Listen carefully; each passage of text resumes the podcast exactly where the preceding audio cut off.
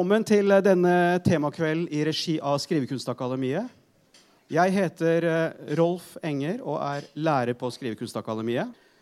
Vi har nettopp hatt et uh, to ukers kurs i novelle- og kortprosaskriving med Therese Tungen som gjestelærer, som sitter her ved min side. I tillegg har vi med oss Christian Heggernes, som også er aktuell med noveller-fortellinger. Og han er da kveldens uh, special guest star, kan vi si. Og Litt av ideen med disse temakveldene er jo å dele uh, gjestelæreren vår med et større publikum. Samtidig som vi kanskje gir et lite innblikk i hva vi driver med der ute på verftet. Og eh, Kveldens tema er jo da novellen, siden vi har hatt et novellekurs. Siden vi har to novelleforfattere med oss. Og siden jeg underviser i novelleskriving. For la oss si 20 år siden så var novelleskriving i Norge nesten ensbetydende med å, å, skrive knapt og undertekstorientert i tradisjonen etter Hemingway, Carver, Askildsen med flere. Det gjøres selvsagt i stort monn den dag i dag. Samtidig som vi i dag kan eh, snakke om en utvikling i retning av en mer, ekspander, mer ekspanderende novelleformer. Derav tittelen på dette arrangementet 'Novella losnar på snippen'. Det er kanskje riktigere å si at den allerede har losna på snippen, og at vi her i kveld stiller med helt åpen skjorte. Therese Tungen og Christian Hegernes er begge eksponenter for de lengre novelleformene. Eh, Therese har seks lange noveller i sin debutbok som heter 'En gang var det ulvar'. Og Christian Heggernes har en stor spennvidde i format i sin samling med fortellinger som heter 'Ida og Oda og andre fortellinger'. Noe vi skal komme tilbake til. Kanskje kan vi ta det så langt at vi kan begynne å snakke om eh, nomaner og roveller. Tja, kanskje. Men da vil jeg bare ja, også Planen i kveld er å, at eh, forfatterne presenterer sine bøker og leser litt fra dem. Og at vi etterpå lager en samtale. Eh,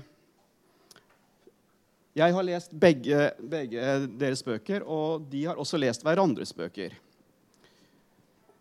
Og jeg håper at eh, Det som er litt av poenget med temakveldene, er at publikum skal få komme på banen og være med i en eventuell samtale. Så jeg håper at uh, publikum er nysgjerrige, spørrende, har lyst til å komme inn da når vi åpner for spørsmål fra salen.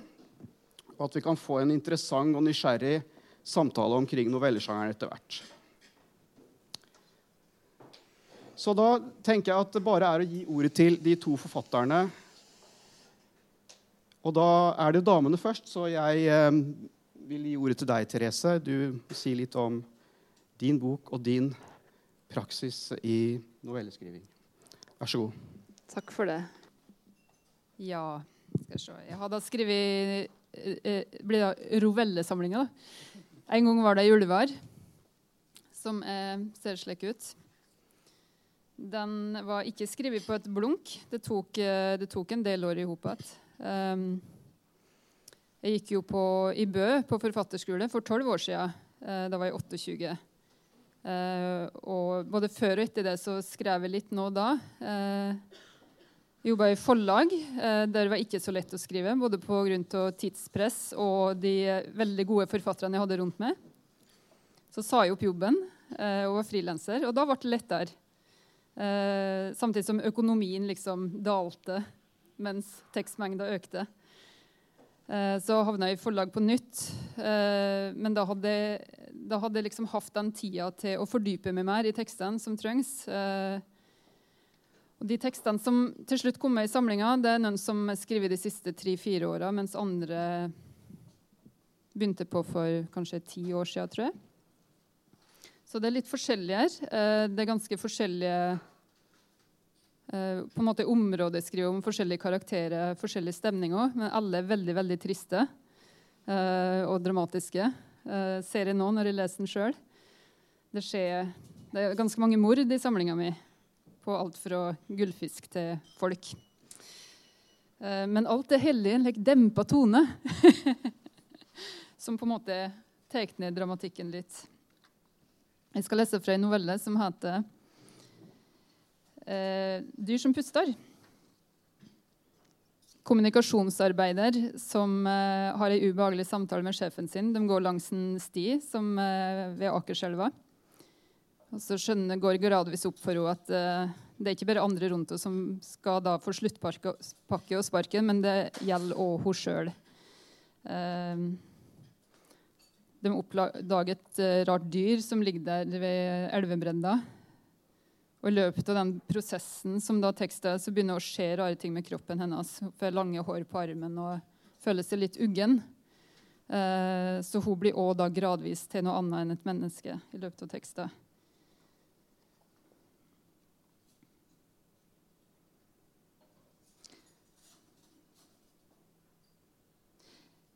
Den gangen fantes det en streng av uvisse mellom meg og de andre.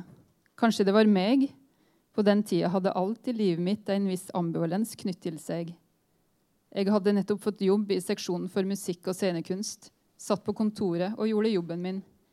Hele tida venta jeg på at noen skulle legge handa på skuldra mi og si at det var en feil.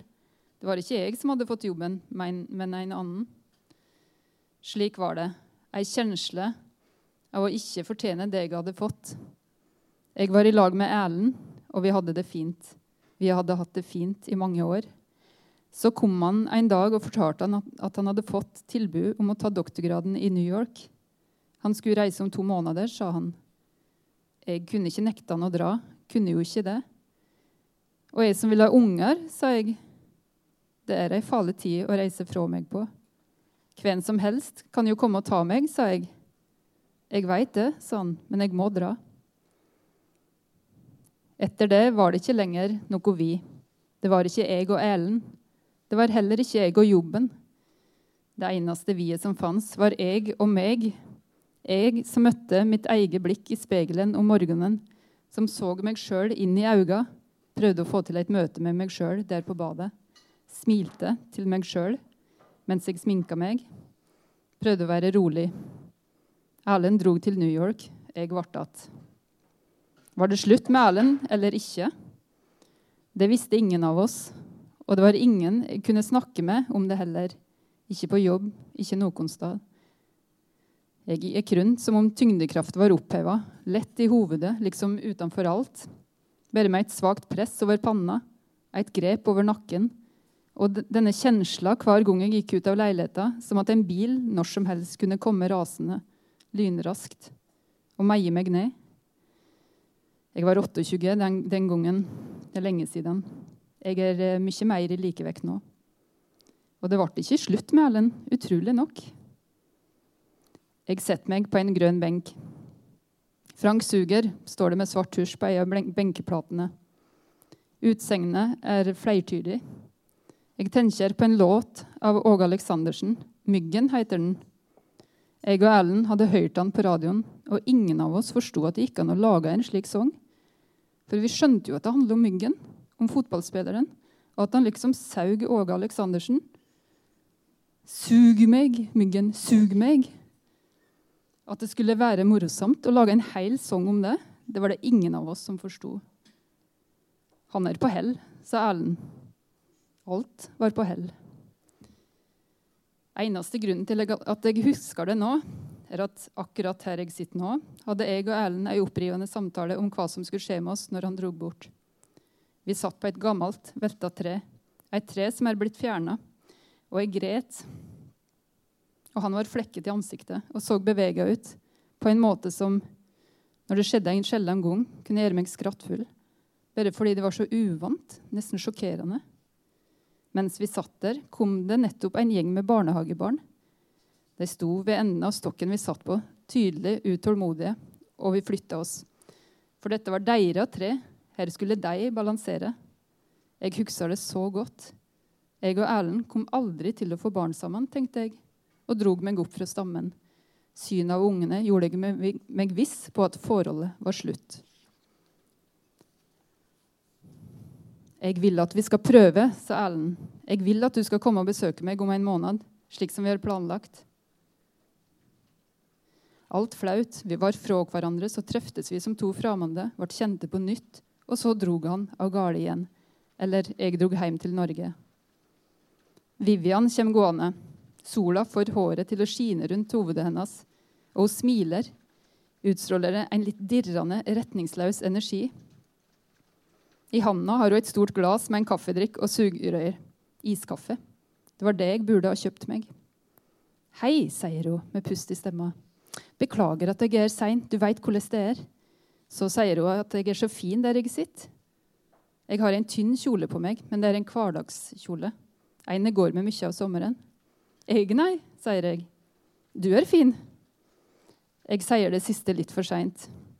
Jeg liker Vivian, men klærne hennes har jeg aldri likt. Hun har ikke god smak. Verken når det gjelder klær eller interiør. Jeg har aldri skjønt hvordan hun kan være så dyktig i jobben når hun ikke klarer å skrape sammen et greit antrekk når hun går, står opp om morgenen. Bohem én dag, forretningskvinne neste. Ingen stringens. Hun smiler og setter seg ved sida av meg. Det er stille mellom oss. Vi studerer ungene uten at noen av oss bryter stillheten. Ungene beveger seg tilsynelatende formålsløst rundt. Så blir de én etter én borte mellom noen tre sammen med ei voksen kvinne. Hva er det som står på da, spør jeg. Jeg stiller spørsmålet på en slik måte at det kan virke generelt. Som om jeg spør hvordan det går, men om hun vil, kan hun tolke det mer førende. Jeg lurer jo på hvorfor hun har bedt meg om å komme hit. Skal vi gå og prate? sier hun. Vi reiser oss og går sakte bortover sletta. Det er svært varmt, og Vivian har fregner i ansiktet og på skuldrene. Hun grev i hagen hele sommeren, sier hun. Jeg forstår ikke hvordan hun har tid til det. I det siste har livet bare dreid seg om jobben. Alle må ta i ekstra. Og vi vet fremdeles ikke om departementet vil bevilge nok penger til neste år. Stien der vi går, er sølete og mjuk, og Vivian trakker nesten i en vassdam. Se deg for, sier jeg. Hun skvetter og hopper fort til sida. Oi, takk, sier hun. Jeg snur meg og ser attender. Ungene er ikke å se. Plenen nedover mot elva er tom. Vannet renner stille og grålegg under himmelen. Altså, det ser ikke bra ut for neste år, sier Vivian. Jeg hadde en lang prat med William, Vivian. Jeg hadde en lang prat med William om det. Flere ganger har vi møttes og prøvd å finne ut av dette. Hvordan vi skal få det til å gå i opp uten å si opp folk.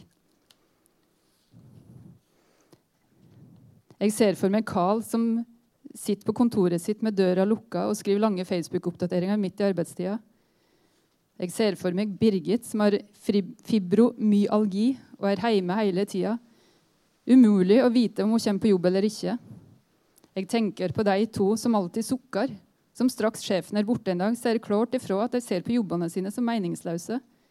Hvor ille ville det ha vært om de slutta? Så kunne en heller begynt på nytt. Vi trodde jo det ville hjelpe med de rimeligere lokalene vi skal flytte inn i, men det er ikke nok, sier hun. Hvor mange må gå da, tror du, sier jeg. Blodet bruser i meg. Jeg er rød i kinna. Jeg kjenner det sjøl. Det er så opplagt hvem som burde sies opp. Men det er også vondt. Flere av de som kommer til å måtte slutte, er over 50. Hvordan skal de finne noe nytt, slik arbeidsmarkedet er? Vi veit ikke sikkert ennå, sier hun. Hun tar en lang slurk av iskaffen. Det ser litt apart ut midt i ei slik alvorlig samtale. Saka er at vi må tenke nytt omkring hele organiseringa av stillingene. Det gjelder de også, sier hun. Det var det jeg frykta. At jeg må ta mer av det andre gjør, og ikke bare pressearbeidet. Ja, ja, jeg kan tilpasse meg, jeg, sier jeg. Vi har snakka om dette før, og jeg veit at Vivian har prøvd å skjerme meg så lenge som mulig. Vivian stopper opp. Hun drar hempa på kjolen opp på skuldra. Så fint at du ser slik på det, sier hun. Det er ikke lett, dette. Jeg klør meg på armen. Hua mi er svært lys, og jeg får raskt soleksem. Kanskje det er det jeg har fått nå? Det er noen røde flekker på underarmen. Det er så mye jeg ikke forstår, for det er så mange som ikke gjør jobben sin. Margit snakker stygt om Vivian straks hun er borte. Det er fullstendig respektløst. Jeg sa til slutt fra til Vivian om det, for det gikk jo ikke an. Hun bare rista på hodet og så trist ut som det ikke var noe å gjøre med det. Men det var jo det. En kunne oppsøke vedkommende, si at slikt ikke er grei oppførsel. Si noe om hvordan vi er alle med på å forme omgivelsene våre, at hver handling en gjør, til. En går og formulerer noen tanker om hva vi kan gjøre med pressearbeidet. Da Vivian sier det om sluttpakke, at hun kommer til å slåss for at de som må gå, får skikkelige sluttpakker. Det er lurt å ta den sluttpakka, sier hun og ser på meg. Stien vi går på, svinger seg i boger og kurver som følger elva. Både framfor og bak oss er det satt opp informative skilt som viser hva stadene heter. Vi er på vei til Nybrua, som ble bygd sent på 80-tallet, i en imitasjon av bruer fra det 18. århundre. Den statsråden som fikk sette opp skilta, ordna med stiene. Hun ville etterlate seg noe varig. Jeg husker ikke navnet hennes, men brune står, skilta står, veiene står. Men Vivian, sier jeg til Vivian. Jeg klarer ikke å si mer. Ola lyder kunstig i munnen min. Hår kniper meg av allereie. Jeg er blitt pekt på. Jeg er ikke lenger en del av hennes vel. Hjernen min jobber på høyere. Jeg vil vite hva som har utløst dette, hva jeg har gjort gale. Det er sant, jeg har kjent meg litt passiv i det siste. Jeg har kjeda meg på jobben. Pressemeldinger, offentliggjøring av nye prosjekt. Småintervju med instruktører og skuespillere. Etter noen år begynner det å gå på repeat. Men det er så mye en kan prøve ut, ikke minst når det gjelder So Me. Jeg åpner munnen for å si noe om det da jeg ser dyret. Jeg der.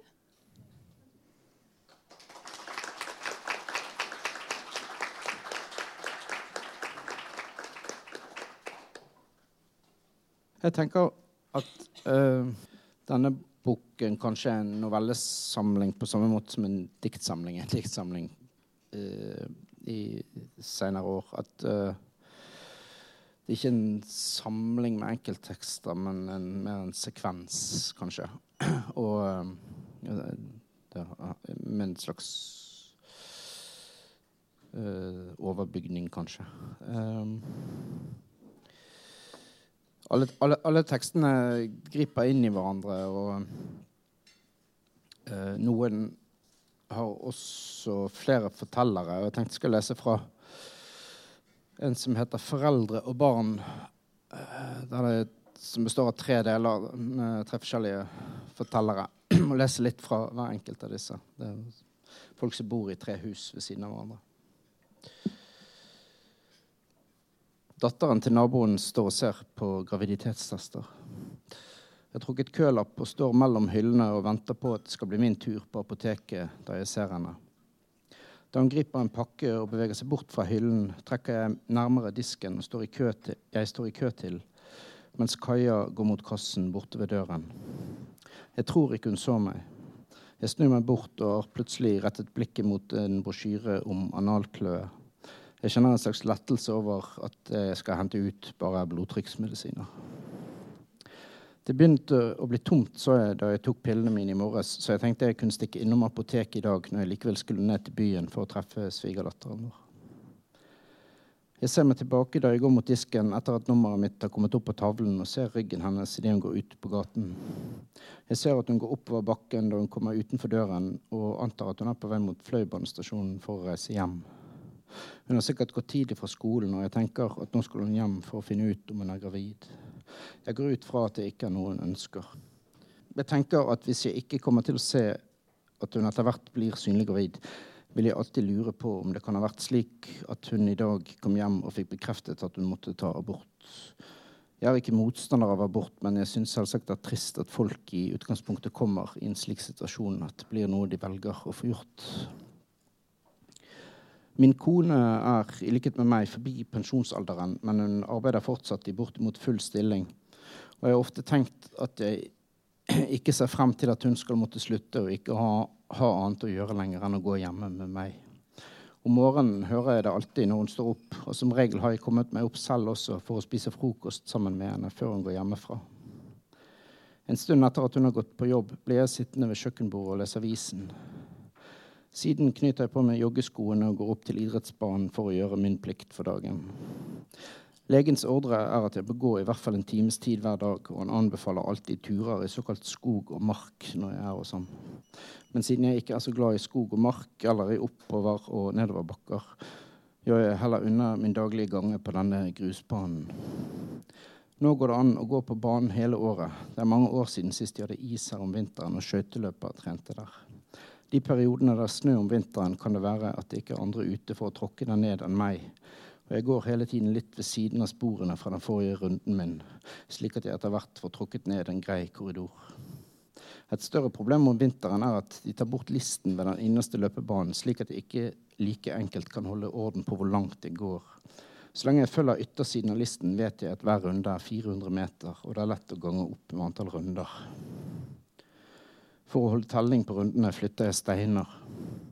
Jeg går hjemmefra med 24 små steiner i den høyre jakkelommen. Og når jeg går rundt banen, flytter jeg én stein over til den venstre jakkelommen for hver gang jeg passerer mållinjen. Hvis jeg har gått alle rundene det stort sett hver dag er min hensikt å gjøre, kan jeg flytte alle steinene tilbake til den høyre lommen på veien hjem.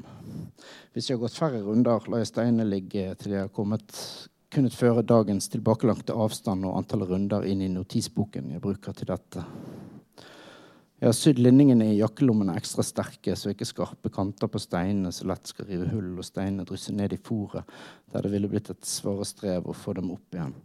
Når jeg nærmer meg mållinjen, stikker jeg hånden i den høyre lommen og får grep på en stein mellom tommel og pekefinger. Av og til har jeg en klar opplevelse av akkurat hvilken stein det er, og mener fingrene kan gjenkjenne den. Jeg kan se steinene tydelig for meg, men når jeg tar den opp av lommen, er det ikke alltid jeg har rett.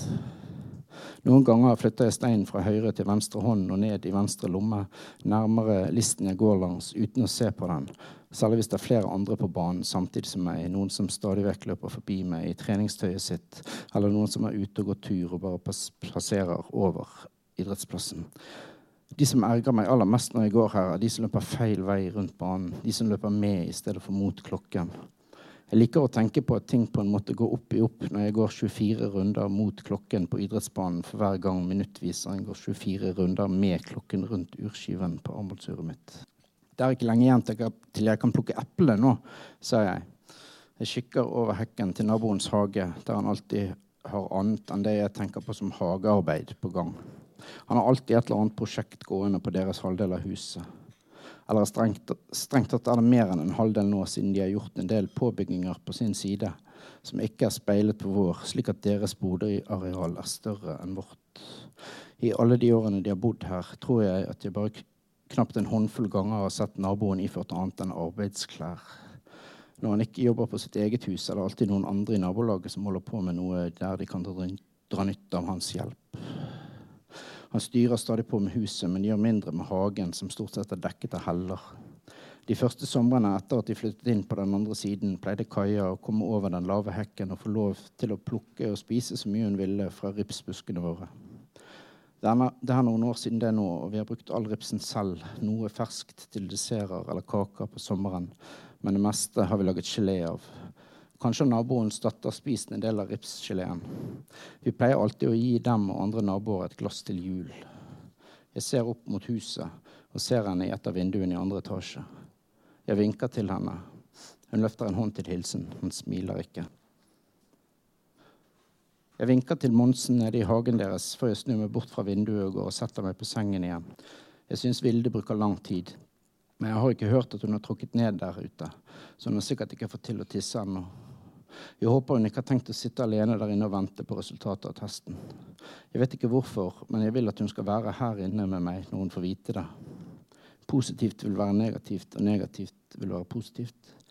Tanke på at det kan være et nytt liv som har begynt inni henne, er ubehagelig. Og jeg vet at jeg ikke helt kan forstå hvor skremmende det må være for henne. Hun snakker om at hun kommer til å ta abort hvis det er noe der. Jeg tenker på det som en mye større og vanskeligere terskel å trå over enn dem hun ikke har klart alene så langt. Hun hadde ikke hun hadde ikke våget å kjøpe angrepille, og hun ville at jeg skulle kjøpe graviditetstesten for henne. Hun måtte, mase på, hun måtte mase på meg en stund for å få meg til å gjøre det, siden jeg også syntes det var pinlig. Hjertet mitt hamret da jeg la den på disken i apoteket sammen med en ansiktskrem jeg tenkte at Vilde også skulle få betale for. Hun sto utenfor og ventet, ikke rett utenfor apoteket, men litt lenger oppe i bakken, halvveis opp mot Fløibanestasjonen. Vi snakket ikke om det, men kommuniserte bare gjennom blikk da hun spurte om jeg hadde klart oppdraget, og jeg bekreftet. Så stille dere i dag, kommenterte fløibanesjåføren til oss da han så oss sitte på benken og vente. Hei, Rolf, sa Vilde. Noe nytt med deg, da? Jeg skal på date på lørdag, fortalte han. Rolf har kjørt banen så lenge jeg kan huske, og jeg føler på en måte at jeg kjenner ham mye bedre enn mange av naboene våre. Men oppfatningen min av ham har endret seg etter hvert som jeg er blitt eldre. Jeg har jo ikke kunnet unngå å merke hvordan han ofte har vært litt flørtende når han har snakket med Vilde og andre jenter som er penere enn meg. Det var Vilde som første gang sa til meg at Rolf var skikkelig desp. Dette er, helt, dette er heller ikke første gang vi hadde hørt han fortelle at han skulle på en date. Det lot til at det vanligvis ikke ble noe mer enn den ene daten. Kult, så ville det fortelle.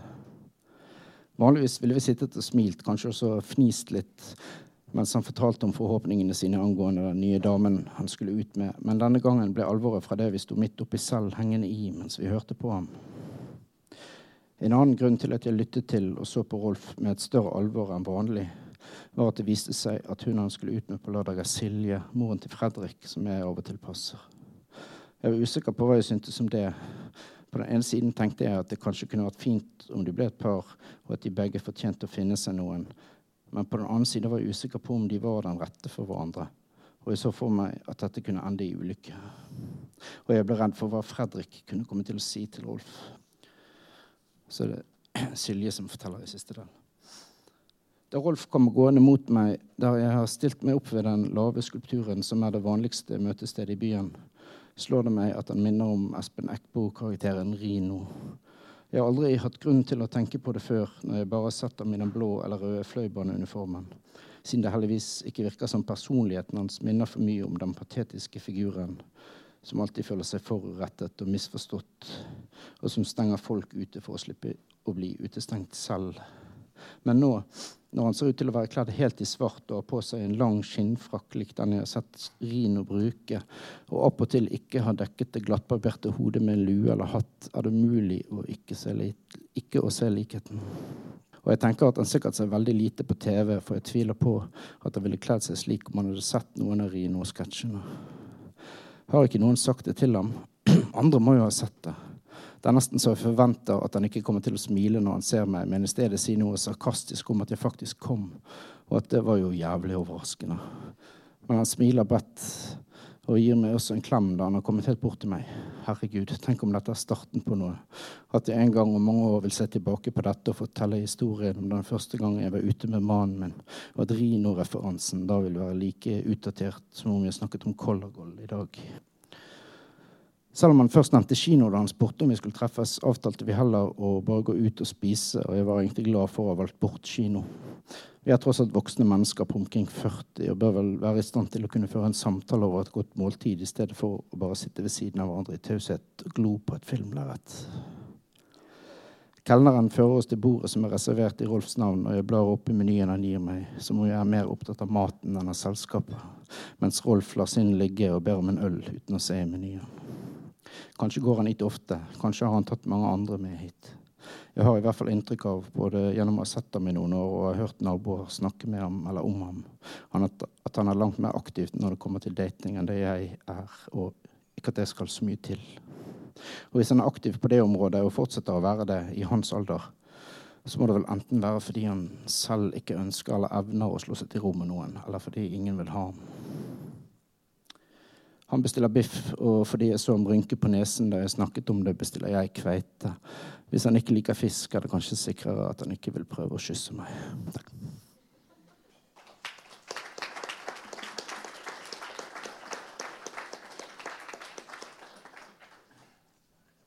Takk for fine opplesninger og smakebiter. Eh, ja, nå skal vi prøve å snakke litt om eh, både bøkene deres og eh, novelleskriving. Ehm, jeg tenkte jeg ville eh, begynne med å spørre Christian. Du sa jo det selv, at boka di er eh, på en måte har en masse linjer og tråder og personer som går igjen i de forskjellige fortellingene. De er på en måte eh, fortellinger, separate fortellinger, men det er også en større helhet da, i eh, boka. Så det jeg lurer på er hvorfor du på en måte valgte å la det bli den formen. For jeg, ser for meg at det skulle kanskje ikke så mye til at det kunne bli en roman. Så kunne det stå roman utenpå boka. Og det ville kanskje hatt større salgspotensial og alle de tingene der. Men du valgte også å la det bli i denne mer fragmenterte fortellerformen. Hvilke eh, refleksjoner og betraktninger er det som gikk gjennom deg i sluttfasen av manuset? da, eh, ut, rundt de tingene? Jeg tenkte vel aldri å gjøre det til en roman. Eh, jeg har forsøkt tidligere å skrive en roman med masse fortellerperspektiver og sånt, og det fungerte ikke så godt. Så jeg ser vel på det heller som at jeg har skrevet et knippe fortellinger som alle har lyst til å være sånn litt små romaner, kanskje. Uh, og, uh, og som forhåpentligvis fungerer uavhengig av hverandre, også selv om, selv om de, selv om de eh, kaster kanskje litt lys på hverandre. Ja. ja. Eh, Therese, du har jo en bok som består av veldig forskjellige typer noveller med forskjellige settinger, forskjellige hovedpersoner. Alt fra en ung jente på 16 år til en uh, gammel leiemorder, liksom.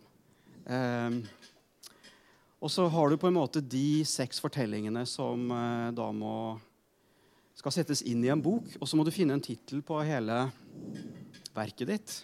Selv om det kanskje er egentlig seks separate fortellinger. Og tittelen din er jo da 'En gang var det ulvar'. Kan du si litt om hvordan eh, denne tittelen kanskje er et minste felles multiplum for de seks forskjellige novellene i, i boka di? Ja. Um, novellene er forskjellige, men samtidig så tenker jeg at de har et felles trekk i det at det, eh, det begynner å rase. da. Uh, Bokstavelig talt i Flaumen, der det faktisk raser ned fra oss igjen og kommer både vann og jord. Men uh, mer metaforisk i de andre. Der jeg, tenker, jeg ser liksom for meg at tepene blir dritt unna karakterene. Uh, at de sliter i tilværelsen. Og de gjør det på forskjellig måte. I noen tilfeller så er jo delvis på en måte selvforskyldt at det kommer fra innsida. Mens i, i, jeg tror egentlig i samtlige historier så er det òg det handler om omstendighetene som de lever innafor. Eh, at de er på en måte fanga halv eh, de, ja, de lever under omstendigheter som gjør at det er ikke så lett å flykte, det er ikke så lett å ta egne valg. Så der tenker jeg at det er et uh, felles trekk, selv om de er skrevet i litt like, forskjellige perioder. Men, uh, men, at jeg så jo det når jeg, når jeg skrev dem fram uh, og begynte å tenke på at kan det her være en samling, så er det det det går i. Når jeg skrev brev til forlagene og sendte inn manuset første gang, så ser jeg at de fremhever det med at det er forhold som tar slutt. Det er jo ikke så mange forhold som tar slutt i den endelige versjonen til manuset. Men men det er kanskje mer det at det var en annen ting som, som var der hele tida, men som ble fremheva med tittelen, og det er det dyriske. Um, det dyriske eller det barbariske, da, som, uh, som må piple fram litt overalt. Men det er jo, det er jo en litt sånn positiv tittel også. For jeg, jeg, ehm, den setningen 'En gang var det ulvar' er jo fra novella som heter 'Flaumen'. Og der går det jo på en del hunder som en av hovedpersonen da sier at Eh, de hundene skal slippes fri i en eh, litt sånn verden hvor alt er kaos. Men da sier jo han de vil klare seg. En gang var det ulvar. Altså, ja. De, det peker jo også på at OK, folk vil klare seg, eller? Veldig hyggelig at du ser det på den ja. måten, syns ja. jeg. no, og noen geiter vil også klare seg. ja. Det, det er en uh, flokk med geit som flykter opp i fjellene i ei annen novelle. De mm. klarer seg egentlig ganske fint. De får lengre hår og får nytt avkom. Mm. Men det er jo hun uh, geitebonden som vil ha dem hjem. Uh, jeg tror de har mer lyst til å bli der. Så det er et eller annet der, ja. Men, men samtidig så er det jo skummelt med de kreftene som, som kommer frem. da.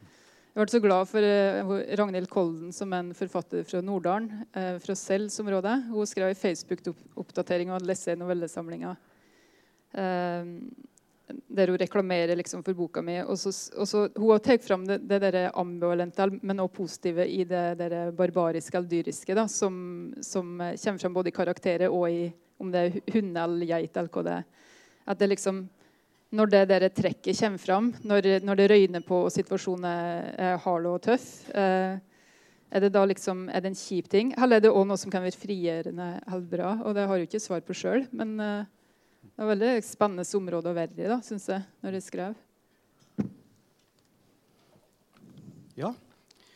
Eh, til Christian. Eh, jeg syns en av de store styrkene dine i boka di er skildringen av eh, Altså i tittelnovellen, som jo er 120 sider, og som er en stor del av boka di. Eh, egentlig en, eh, en liten roman i seg selv. Så er det jo veldig innlevd og god skildring av tidlig pubertet. Eh, så lurer jeg på Ja, du må jo ha god hukommelse. Det er opplagt.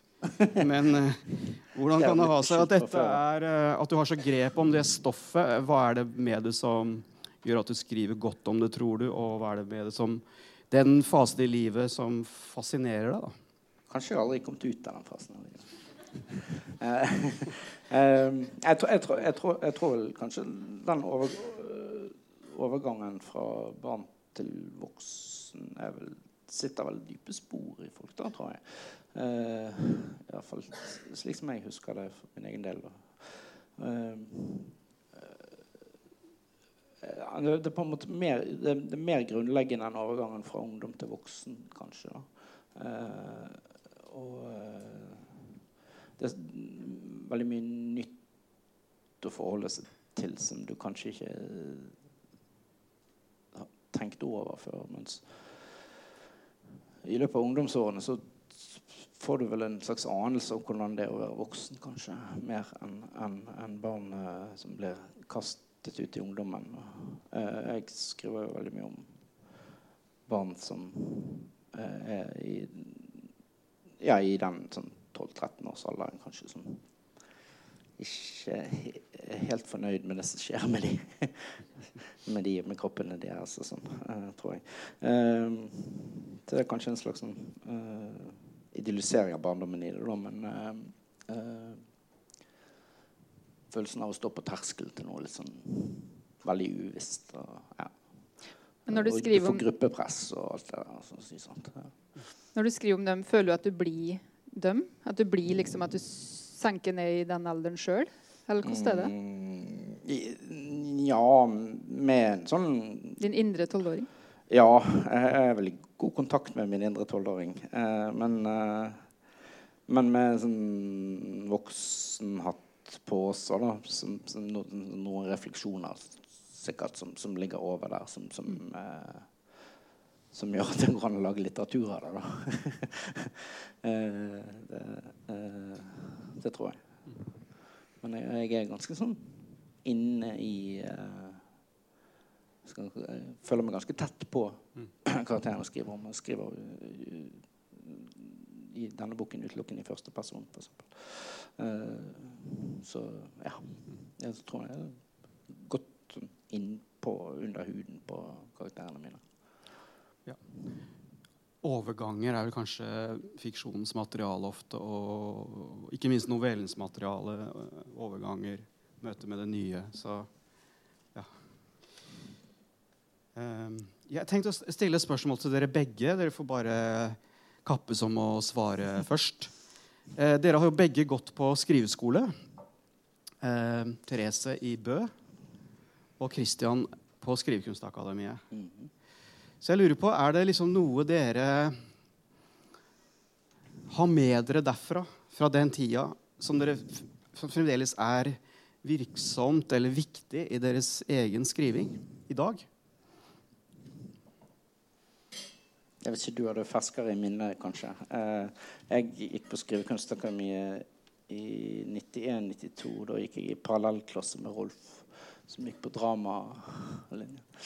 Eh, eh, jeg tror nok å lese var det først og fremst tok med meg. At det, gjorde meg til en bedre og mer reflektert leser.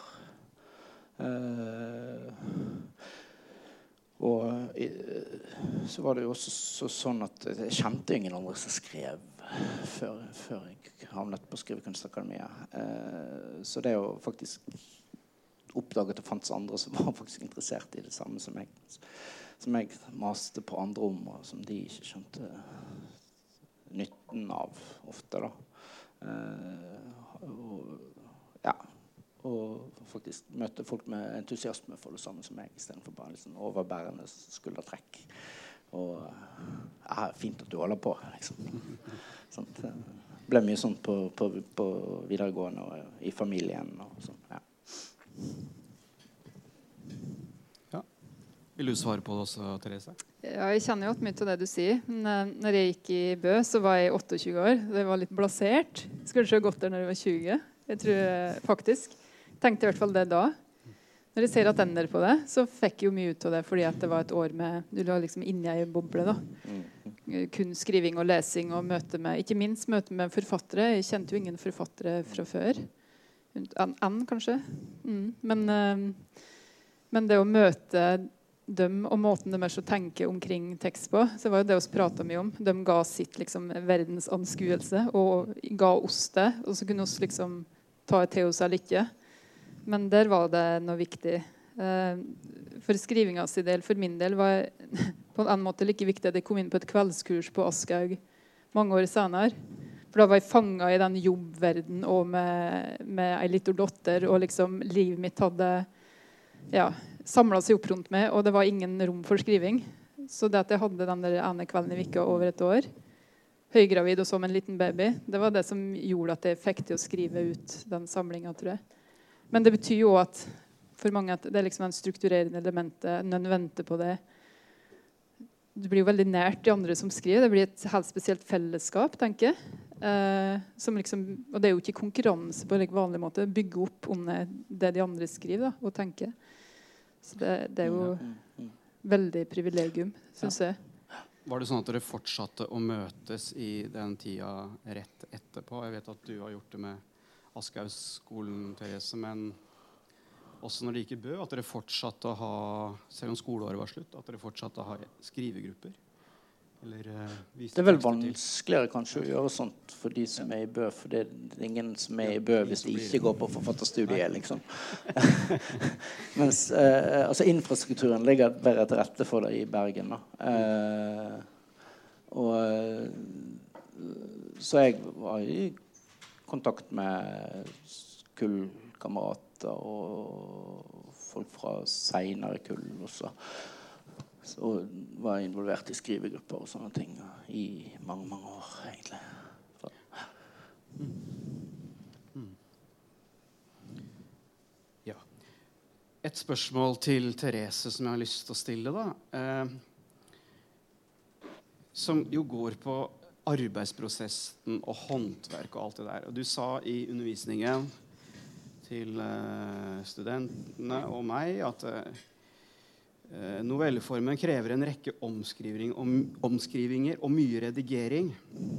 At det noen ganger ikke, nesten ikke er noe igjen av førsteutkastet til en novelle. Kan du dele med oss litt mer eh, hvordan denne redigeringsprosessen Eh, foregår, forløper for din del? Ja, for, for det jeg sa, det handla ikke om noveller, men om megaskriving, egentlig. For det ja. høres ut som veldig like, dette er novellen, men det var ikke det. nei, nei, altså det handler jo kanskje om skriving generelt. Men, ja. men, det gjelder nok det gjelder nok flere enn meg, tror jeg. Mm. Men det er veldig nysgjerrig på hvordan andre har det med skriving. For jeg skulle gjerne sluppet litt lettere unna. At, uh, at jeg har sett begynnelsen og slutten og kunne skrive meg fram mot et mål. Men når jeg skriver, så vet jeg ofte ikke hva som skal skje i det hele tatt. Mm. mm. Uh, og det er jo kjempespennende når det er inni det. Uh, at en ikke vet liksom, skal hun dit eller skal hun dit. Skal, ja, uh, hvordan skal det egentlig gå med de folka? Men det gjør òg at det, er mye som må skrives om og jobbes om. For meg så handler det med, om, med redigering og om at jeg, jeg skrev dårlig i mange år. og det var mye fordi at jeg skrev, fortell, jeg skrev liksom på et nivå over historie, da, hvis du skjønner. Jeg kom liksom ikke helt ned i der det skjedde. Og det skjønte jeg jo ikke sjøl før jeg leste det jeg skrev mange år senere. Eh, at det er gjenfortelling mer enn fortelling. da. Så måtte jeg liksom inn der det var, det var antydning til scene her og der. Måtte inn og faktisk logge noe Og det krever jo ganske mye. Og folk skal møte andre, og det skal bli konfrontasjon og ubehag. og Det er jo veldig slitsomt, egentlig. men, men, så så jeg at det, det, blir jo bedre. Det blir jo litteratur til det. Uh, og så skrev vi på det viset ganske lenge. Og så leser jeg over det jeg skriver, og så, og så ser jeg at ja, men det er jo det er jo så scenisk. Det er liksom, Hvor er refleksjonsnivået? Hvor er himmelen over? Følte at det forsvant litt. da. Og så måtte jeg skrive inn i tankene til karakterene. og liksom, ja, det, det er jo noe med å liksom skape mer dynamikk og plastisitet i tekster. si. Så jeg syns det var en, eh, litt, et, eh, litt av en jobb, ja. Eh, Og mye som blir da, Så du tenke kjempefint, og så må du stryke det i neste omgang. Jeg ser det er mange, noen av tilhørerne som noterer flittig her. Eh, veldig bra. Eh, Men eh, ja, jeg tenker at eh, nå har jeg lyst til at dere to som har lest hverandres bøker, eh, kanskje peker på noen bit Eller en, noe dere har lest i den andres bok som har gjort inntrykk på dere. Og kanskje si litt om hvorfor. Eh, Eh, ja. Eh, Du nevnte før vi eh, om det å skrive på en stemning. Og, og det går igjen i mange av tekstene at det er en sånn gjennomgående uh, stemning som gjør at det er en god tekst å være i. Da. Og en særlig merket med, med det, var den siste teksten, en novelle som heter 16. Eh, som det vel foregår vel dagen før og kvelden og natten til 16-årsdagen til hovedpersonen, som har skrevet et sånn klossete kjærlighetsbrev til en gutt fra England som hun møtte på ferie. Og eh, så følger vi henne gjennom dagen. Eh, den dagen som er både en tror ganske vanlig dag i livet hennes, men også ikke en helt vanlig dag.